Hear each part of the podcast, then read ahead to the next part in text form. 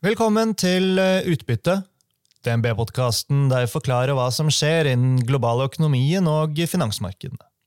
Jeg er Marius Brunhaugen, og i denne episoden skal det handle om hvordan man kan navigere i finansiell usikkerhet i aksjemarkedet. Det var eh, nemlig den overordnede tematikken da vi i DNB inviterte til årets eh, utgave av arrangementet DNB Invest i Bjørvika torsdag 23. mars. Fra scenen kunne de fremmøtte kundene høre både DNBs egne eksperter og en rekke erfarne investorer. Et av de store høydepunktene i årets program var aksjedebatten med Selina Middelfart, Jan Petter Sissener og Dag Hammer. Praten den ble ledet av DNB-erne Håkon Hansen og Alexander Oppstad. Og Opptaket fra seansen skal dere få høre nå. God påske, folkens, og takk for at dere hører på Utbytte.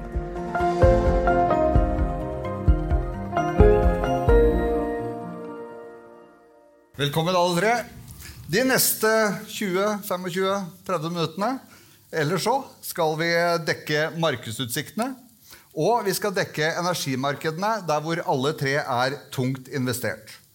Vi skal selvsagt få høre litt om enkeltselskaper og hva disse tre investorene nå er mest positive til akkurat i dag. Men først, dere har jo et litt forskjellig utgangspunkt. Du har bare én andelseier som du skal svare til, Selina, og kan velge å ikke være investert i markedet. Du eh, driver et hedgefond, Jan Petter, og du tar markedseksponeringen din opp og ned. Og du er alltid investert og en aksjeplukker eh, i dag, og eh, som en long only eh. Så for å sette rammen veldig kortfattet, kan dere si litt om investeringsprosessen deres og hvordan dere investerer? Begynner med deg, Selina. Ja, eh, som sagt så svarer jeg bare til meg selv. Så første beslutning er om skal man være investert. Og så må man jo begynne med et makroperspektiv og litt tematisk hva man har tro på. Og finne sin conviction, hvilket jeg har brukt mye tid på siste årene uh, innenfor energi. Uh, og så kommer det jo ned på en selskapsanalyse og mer uh, selskapsspesifikt. Og så syns jeg jo det morsomme med å jobbe selv, er jo å kunne være aktivt. Og dess nærere egentlig selskapet du kommer, gjerne inn i styret, men i hvert fall som en aktiv aksjonær, desto mer interessant og desto høyere conviction og mer risiko tør man å ta. Du har en mer diversifisert portefølje, Dag, er det lov å si. Hvordan, hvordan jobber du? Jeg vil jo si at jeg jobber eh, ganske likt som Selina.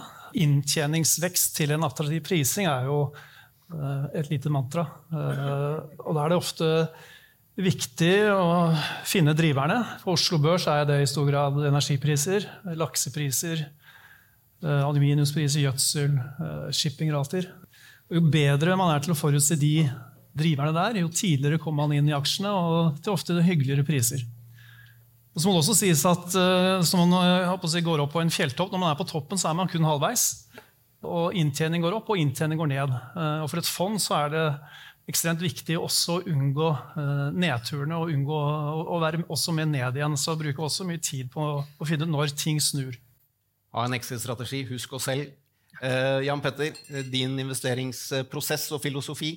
Vi kan jo si at vi har 4000 kunder, og har, kundene har stort sett én ting til felles. De har nådd en, en, alder hvor de har i grunnen ikke råd til å tape noe penger. For de har ikke tid til å tjene dem inn igjen. Og det gjelder meg selv også, og jeg har ganske mye penger i fondet selv. Uh, og det innebærer at vi er veldig forsiktige. Du kan se på oss, du kaller oss et hedgefond. Ja, vi er et hedgefond. Det vi egentlig er, det er et long only-fond, men med betydelig grad av hedger. Vi skal rett og slett ikke være med mye ned. Og vi har sett det i praksis både i 2020 og senest i fjor, hvor hedgene virker, og vi leverer en veldig decent avkastning som ikke markedet gjør. Prosessen er relativt lik til eh, disse, til Dag og, og eh. Vi tar et makroview. Så analyserer vi forskjellige sektorer. Hvor finner vi hyggelig vekst til en attraktiv pris? Og så begynner vi det som vi fokuserer mest på, nemlig management. Vi bruker mye tid på å studere management og managements track record. og jeg ser at i de politisk riktige kretser så skal man kritisere alle management som får betalt for mye. Jeg må si, Er det en som fortjener de 13,5 millionene vi fikk i fjor, så er det Kjerstin, som har bygget en ultrasolid bank, i motsetning til sjefen, sjefene i Credit Suisse, som har tatt ut 75 millioner hver seg i snitt de siste ti årene for å konke banken. Så uh, vi er veldig managementfokusert. Og har du en dårlig track record, så er det eh, i no go. Neste vi fokuserer på, er at selskapet er godt kapitalisert, har forutsigbar earnings eller prisingsmakt. Og, og, vi liker da veldig godt selskaper som spruter cash, og de finnes det en del av. Takk. Vi liker når du skryter av verten, så nå har du egentlig gjort jobben din allerede. Eh, det har vært noen stormfulle uker i markedene. Du sa Jan Petter, dere begynner med makrosynet. Det er mye å bekymre seg for. Hva, hva tror du om markedsutsiktene, og hvordan er fondet posisjonert? Altså, vi er eh, ca. 50 lang, og det har vi vært i hele år. Vi har eh, to store bett relativt i forhold til sektorene. Vi er veldig tunge innenfor energi, både olje og, til dels offshore. Men også litt av det vi tror på, nemlig at det ikke blir noe grønt skifte uten atomkraft. Så vi har en viss eksponering mot uran. Uh, og så har vi mye finans. Og det er klart at de siste ukene så har det blitt uh, mye juling, uten at de bankene vi eier, lider på noen som helst måte. Det er ultrasolide og tjener masse penger og er too big to fail. Så finans det er the worst is behind us, er det det du sier? Absolutt, og vi kan gjerne diskutere det. Men det er et veldig stor forskjell på de amerikanske bankene og de europeiske. Og skal huske at Vi har hatt 15 år til å bygge kapital, bygge kapitalstruktur, dytte ut noen sånn litt eh, høygirede lån til obligasjonsmarkedet, som har slukt dette rått. Slik at bankene kommer inn i denne krisen med en helt annen forutsetning enn de gjorde i 2008 så er det jo slik at det også er store forskjeller på uh, bokføringsprinsipper i Europa og i USA. Så jeg utelukker jo ikke at ikke flere banker går over ende i USA.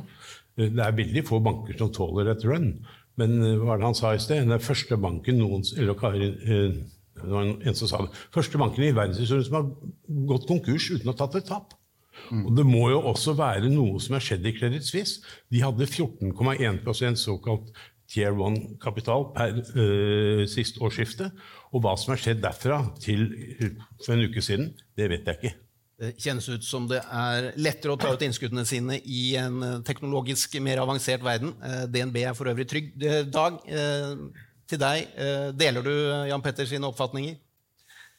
Ja, eh, jeg har, ikke, jeg har, ikke, like mye finans, eh, men jeg har mer eh, altså Oslo Børs er vel rundt 60% råvarer, olje, energi, shipping, laks. Vi er kraftig overvektet i stort sett alle de sektorene. Man kan ikke ha overvektet alt.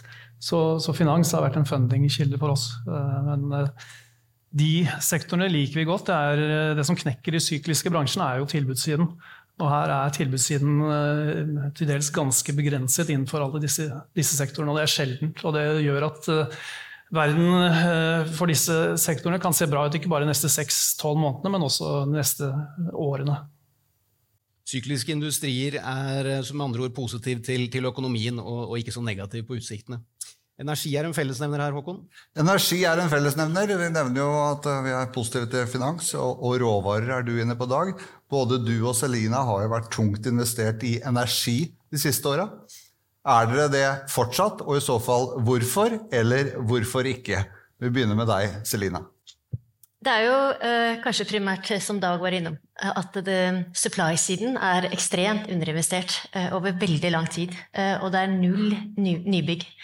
Fra INT-selskapene så har du en historisk lav reinvestering av fri cashflow i eh, ny utvinning eh, på 37 eh, snitt historisk på 57% Så det kommer jeg tror jo min liksom, hovedtese har jo vært hele tiden dette med et strukturelt undersupply-marked i forhold til oljeetterspørselen. Så fikk du ESG i tillegg, og du fikk eh, store reservasjoner fra bankene, så finansiering ble en stor constraint, hvilket forsterket egentlig de trendene, i tillegg til krigen i Ukraina, selvfølgelig. Så det er liksom driveren eh, i mye av de investeringene jeg er inne i i dag, som jeg tror skiftet litt fra IMP-selskapene over på supply. Så alt innenfor offshore, supply og service tror jeg har veldig mange gode eh, år, foran seg. Ok. Offshore, supply og service. Bra. Hva med deg, Dag? Det høres jo ut som du nesten har tittet i min portefølje, men uh, vi har gjort mye av det samme. Eller motsatt, kanskje? Uh, eller motsatt. Uh, nå er ikke hennes portefølje offentlig på samme måte som min, så, men jeg var ganske tungt investert i IMP-selskaper gjennom første halvår i fjor, og vektet mer over på oljeservice-biten utover i året. så nå er vi undervektet IMP, og, og bra overvektet spesielt seismikk og rigg. Mm. Hva med Ja. Og, og på rigg da, ikke sant, så har du hatt eh, en halvering av flåten. Nybyggingskost eh, er, eller eh, nye ordre er null, og det kan ikke forsvares ut fra dagens rater og det perspektivet i investeringshorisonten man har. Så og bare for å ta ett eksempel, da, Saudi Aramco de har doblet antall rigger. Og ambisjonsnivået er å klare å øke eh, output med 1 million barrel of oil innen 27. Så det sier litt om hvor eh, komplisert og kostnadskrevende og langt det lerretet er å bleke for å klare å opprettholde den oljen som verden faktisk trenger. I dag så brukes det 270 million barrel oil equivalents i verden eh, som er hydrokarboner. Det er en vekst årlig på halvannen prosent, som utgjør fire millioner barrels som skal erstattes. Det har depletion på seks-syv millioner barrels hvert år. Så har du fem milliarder mennesker i forhold til hele ESG-diskusjonen, som fortsatt, hvis fremste ambisjon er å få et kjøleskap eller en komfyr som virker.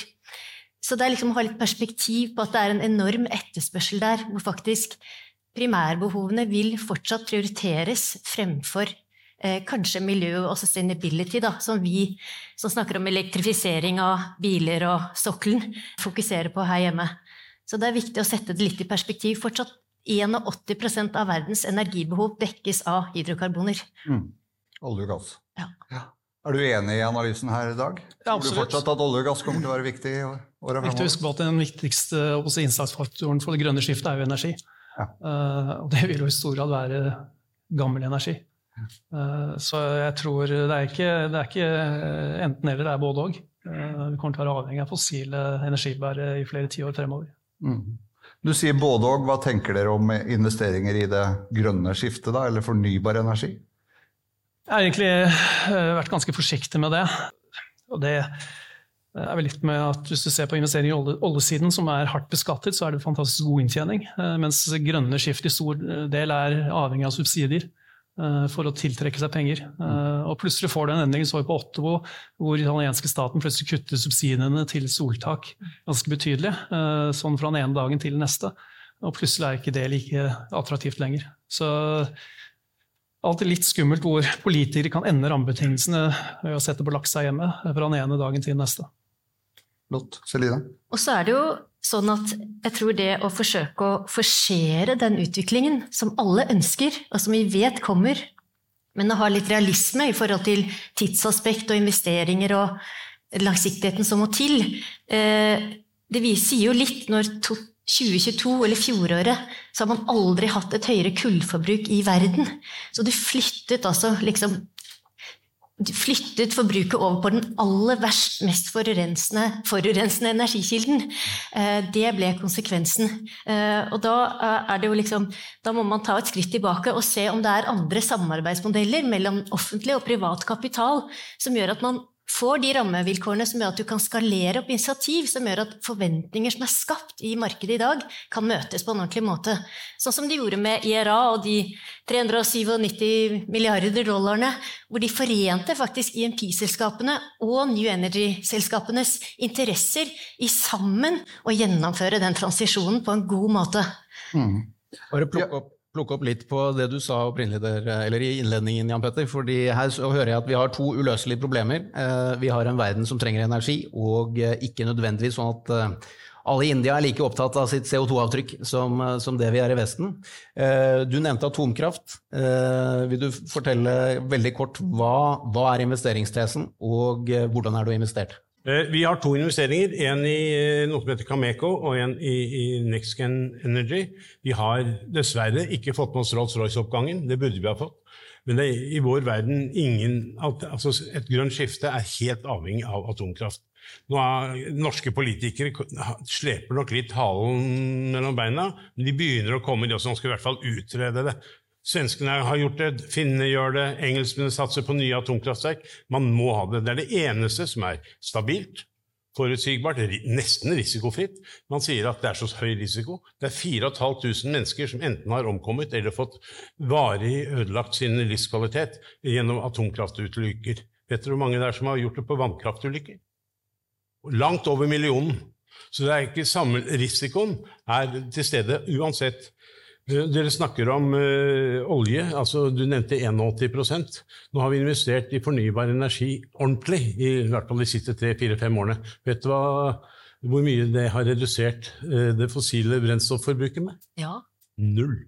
Det er fremdeles 81% Og det vil si at alle de investeringene vi gjør i fornybar energi, det bare demmer opp for det økte energibehovet rundt omkring i verden. Og det kommer til å fortsette. Og hvordan investerer du i olje og gass? Vi har jo hørt service eh, fra både vi har, vi har eh, litt service. Vi har god del hardware, altså rigger og, og, og uh, supply-båter. Og så har vi veldig mye INP, og det kommer vi ikke til å rikke oss på. De spruter cash. Uh, vi kommer jo tilbake på favorittaksjen etterpå. Men altså selskaper som handler på 15-16 uh, uh, fri cashflow yield, det er for godt til å være sant. og Det er bare å plukke opp, og så kan de grønne tro at olje er historie. Det er det ikke. Sjefen i Shell sa på en konferanse jeg var på for et par år siden, at i 2100 kommer fremdeles mer enn 50% av verdens energiforbruk til å være fossilt eller olje. Og det tror jeg på. Selina? En annen litt sånn tematisk eh, morsom aktivaklasse som har eh, materialisert seg nettopp som en forlengelse av hele energikomplekset, er jo også obligasjonsmarkedet, eh, spesielt innenfor energi, fordi bankene reserverer seg enormt for å finansiere, så de flytter seg ut i eh, markedet og i obligasjoner. Eh, og i tillegg med inflasjonen og den høye renten, så får du jo eh, kredittrisikopremie eller påslag som er uforholdsmessig høye i forhold til faktisk kredittrisiko. Så du får jo en type egenkapitalavkastning på obligasjoner med sterk nedsidebeskyttelse med sikkerhetspakker som er fantastiske. Og så kan du sitte og cruise i to-tre år eh, med 11-12-13% avkastning. Så det syns jeg i hvert fall har vært eh, sånn tematisk sett veldig morsomt space å eh, sette seg inn i. Begynte å investere i det for ca. et halvt år siden. Eh, og bygget opp en portefølje som gir meg langsiktighet og litt mer ro i sjelen, og ikke våkne hver dag og eh, følge alle kurser og sånn. Du har vridd deg litt fra, fra aksjer til, til obligasjoner. Ja. Hvordan tenker du om dette? Altså, nei, Jan Petter, du skal jo selge to fond, både et obligasjonsfond og et aksjefond. Jeg, altså, det kan, jeg kan komme tilbake på det, men uh, bare for å følge opp det. Vi skal ikke mer enn tre år tilbake, så kjøpte vi femårsobligasjoner i Aker Solutions til 37 eller 38% pro anno avkastning. Uh, det var den riktige beslutningen. Feilbeslutningen var å selge aksjene våre. for å funde det. Men sånn er det. Uh, jeg tror at det er helt avhengig av tidsperspektiv. Hvis du har penger som du skal kanskje bruke om 6 eller 12 eller 18 måneder, så vil jeg kjøpt obligasjonsfond. Hvis du har lengre tidsperspektiv og sier at dette er noe skal være verdiskapning over de neste 5-10-20 årene, så vil jeg kjøpt uh, hedgefond. Men, men jo, jeg, jeg, er enig i det sånn i tidsperspektiv, og jeg har ganske kort maturity på mine bånd, for jeg tenker at det er noe som er veldig relevant akkurat nå. Så kanskje to års snitt maturity. Men, men historisk da, så hadde du det verste året på obligasjonsavkastninger siden 1720 i fjor. Fjerde, fjerde verste året. Og historisk, etter et så dårlig år i obligasjonsmarkedet, så har du hatt en veldig uplift. Så det er mye som tilsier at det gjentar seg nå også. Vi tjente penger i fjor òg, vi på obligasjonsfondet. Jeg vil bevege meg til deg, Dag. Vi vil snakke litt om enkeltaksjer. Eh, du er jo da kjent som en eh, veldig dyktig aksjeplukker. Går det an å utfordre deg på enkeltselskaper? Vil du trekke fram ett selskap fra porteføljen din? Vi har hørt om Oljeservice. Er det, er det noe annet du vil trekke fram? Utenom Olje Service? Uh, ja, vi har jo mye aksjer i uh, Saptek, som uh, Det er det flere som har. det er det flere som har. Som du kanskje husker, så nevnte jeg den aksjen på julebordet vårt før jul her, så hyggelig å se at du er aksjonær. veldig spennende selskap, og særdeles spennende tider nå med Easy-problemene de har. Mm. Uh, lansering i Tyskland, uh, England etter hvert. Uh, det er veldig mye som, mye, mye som, skjer der, så det tror jeg fortsatt er en spennende aksje. Aksjen har gått bra i det siste, men jeg tror fortsatt det er mye oppside. Shipping, Himalaya Shipping, tørrbulk. Timingen er veldig god. de har nå fått sin første, sine to første båter med en reåpning i Kina, som er det absolutt viktigste tørrbulkmarkedet. Gram Car Carriers, uh, bilskip. Uh, låse inn alt på kontrakter så å si de neste fire-fem årene. Tjener 40-50 kroner i året hvert år. Aksjen er rundt 150 kroner. så den er spennende. Her er det, det, var, det var tre gode Jeg tenkte å gi deg en utfordring, eh, Jan Petter. og Det kan jo hende at du ikke liker begrensningen, men hvis du skal velge én eneste aksje i porteføljen, og du ikke får lov til å si Storbrann, hva sier du da? Ja, mm, eh, Nei, jeg skal ikke nevne ordet Storbrann, for jeg har vel de fleste her hørt på det én og to og ti ganger. Eh, Skal jeg velge én aksje, så tror jeg jeg må inn i energispacet. Og jeg, som jeg var inne på, så er vi jo ekstremt glad i fri cashflow yield. Det var et fransk selskap som heter Total kunne sikkert fått den samme avkastningen i Equinor, men vi liker ikke selskaper hvor staten bestemmer. Eh, så, eh, og det er et prinsipp vi har nesten. Eh, med noen få unntak. Total Energy i, Frankrike er billigere. Det handler på 16% fri cashflow yield, tre ganger EBBDA gilder direkteavkastning i størrelsesorden 7-8% pluss tilbakekjøp. Så skal du sove godt om natten i et ordentlig selskap, når du kommer ut og inn på sekundet og ikke har noen som helst likviditetsrisiko, så er det et av dem. Og du deler Dags syn på Saptek? Saptek er et morsomt nett, men altså, vi har 1% i Saptek, og det er kjempegøy. Skal vi være med lenge? Ja, kanskje, for tingene har endret seg litt. Så vi får se, vi skal følge med. og Kommer det vi tror på, da, earnings og sånn, så kommer vi sikkert til å øke. Men da koster aksjene sikkert mer også. Sånn er det. Det henger ofte sammen.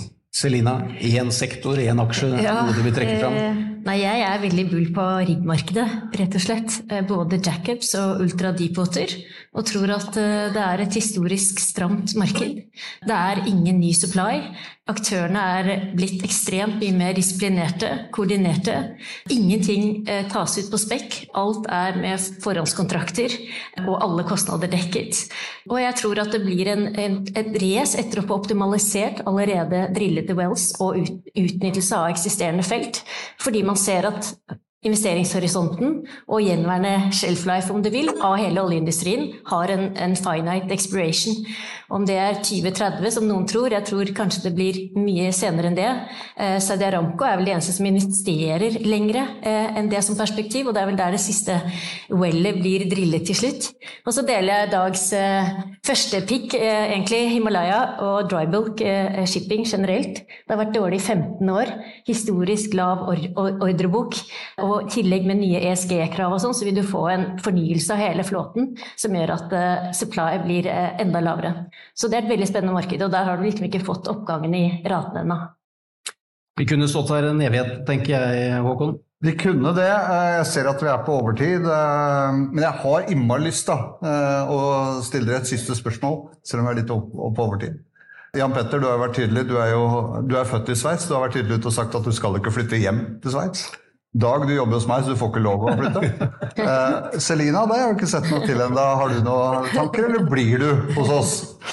Altså, det var litt spøkefullt. Jeg, jeg, har ikke tenkt å flytte. og uh, um, uh, håper at vi kan fortsette, vi som har lyst til å skape og bruke kompetent kapital i Norge og fortsette med det og ha fokus eh, på verdiskapning. Men vi hadde et lite familieråd, da det skal sies. Eh, og jeg har jo en, en ung sønn og foreslo for han at kanskje kostskole i Sveits kunne vært noe for han. Ja.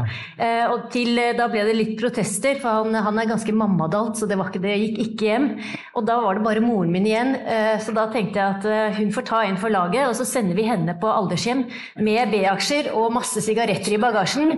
Og hun tente på ideen. så det er er, en, det er plan B for meg. ok. Takk for det. Jeg håper det blir. Da sier vi uh, tusen takk til Tusen takk til paneldeltakerne. Jeg er sikker på at vi kunne stått her eh, veldig mye lenger. Takk for at dere deler deres innsikt. Og så takk for nå.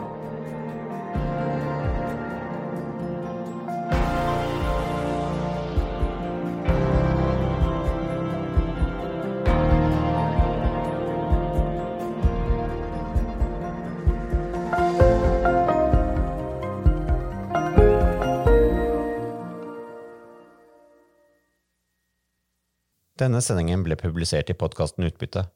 Innholdet i sendingen er å anse som markedsføringsmateriale fra DNB og er ment å være generell spareveiledning. Sendingen skal ikke oppfattes som et tilbud om å kjøpe eller selge finansielle instrumenter, eller som investeringsrådgivning tilpasset den enkelte investors situasjon. En investor som har behov for råd eller har spørsmål om informasjon som gis, bør kontakte en finansrådgiver. DNB påtar seg ikke noe ansvar verken for direkte eller indirekte tap som følge av innholdet i sendingen legges til grunn for eventuelle investeringsbeslutninger. Husk at historisk avkastning aldri er noe garanti for fremtidig avkastning. Avkastningen kan bli negativ som følge av kurstap. Bruk av prognoser for å beregne fremtidig avkastning er heller ingen garanti for fremtidig avkastning. Innholdet i sendingen bygger på informasjon fra offentlig tilgjengelige kilder som DNB ser på som pålitelige, men som ikke er uavhengig verifisert. Følgelig gir DNB ingen garanti i forhold til nøyaktighet og fullstendighet. Alle uttalelser her reflekterer DNBs, den enkelte ansatte, eller andre tredjeparts vurderinger på tidspunktet for den aktuelle sendingen, og kan i ettertid endres uten nærmere beskjed. Ytterligere informasjon om bl.a. kildebruk og interessekonflikter er tilgjengelig på dnb.no skråstrek invest disclaimer.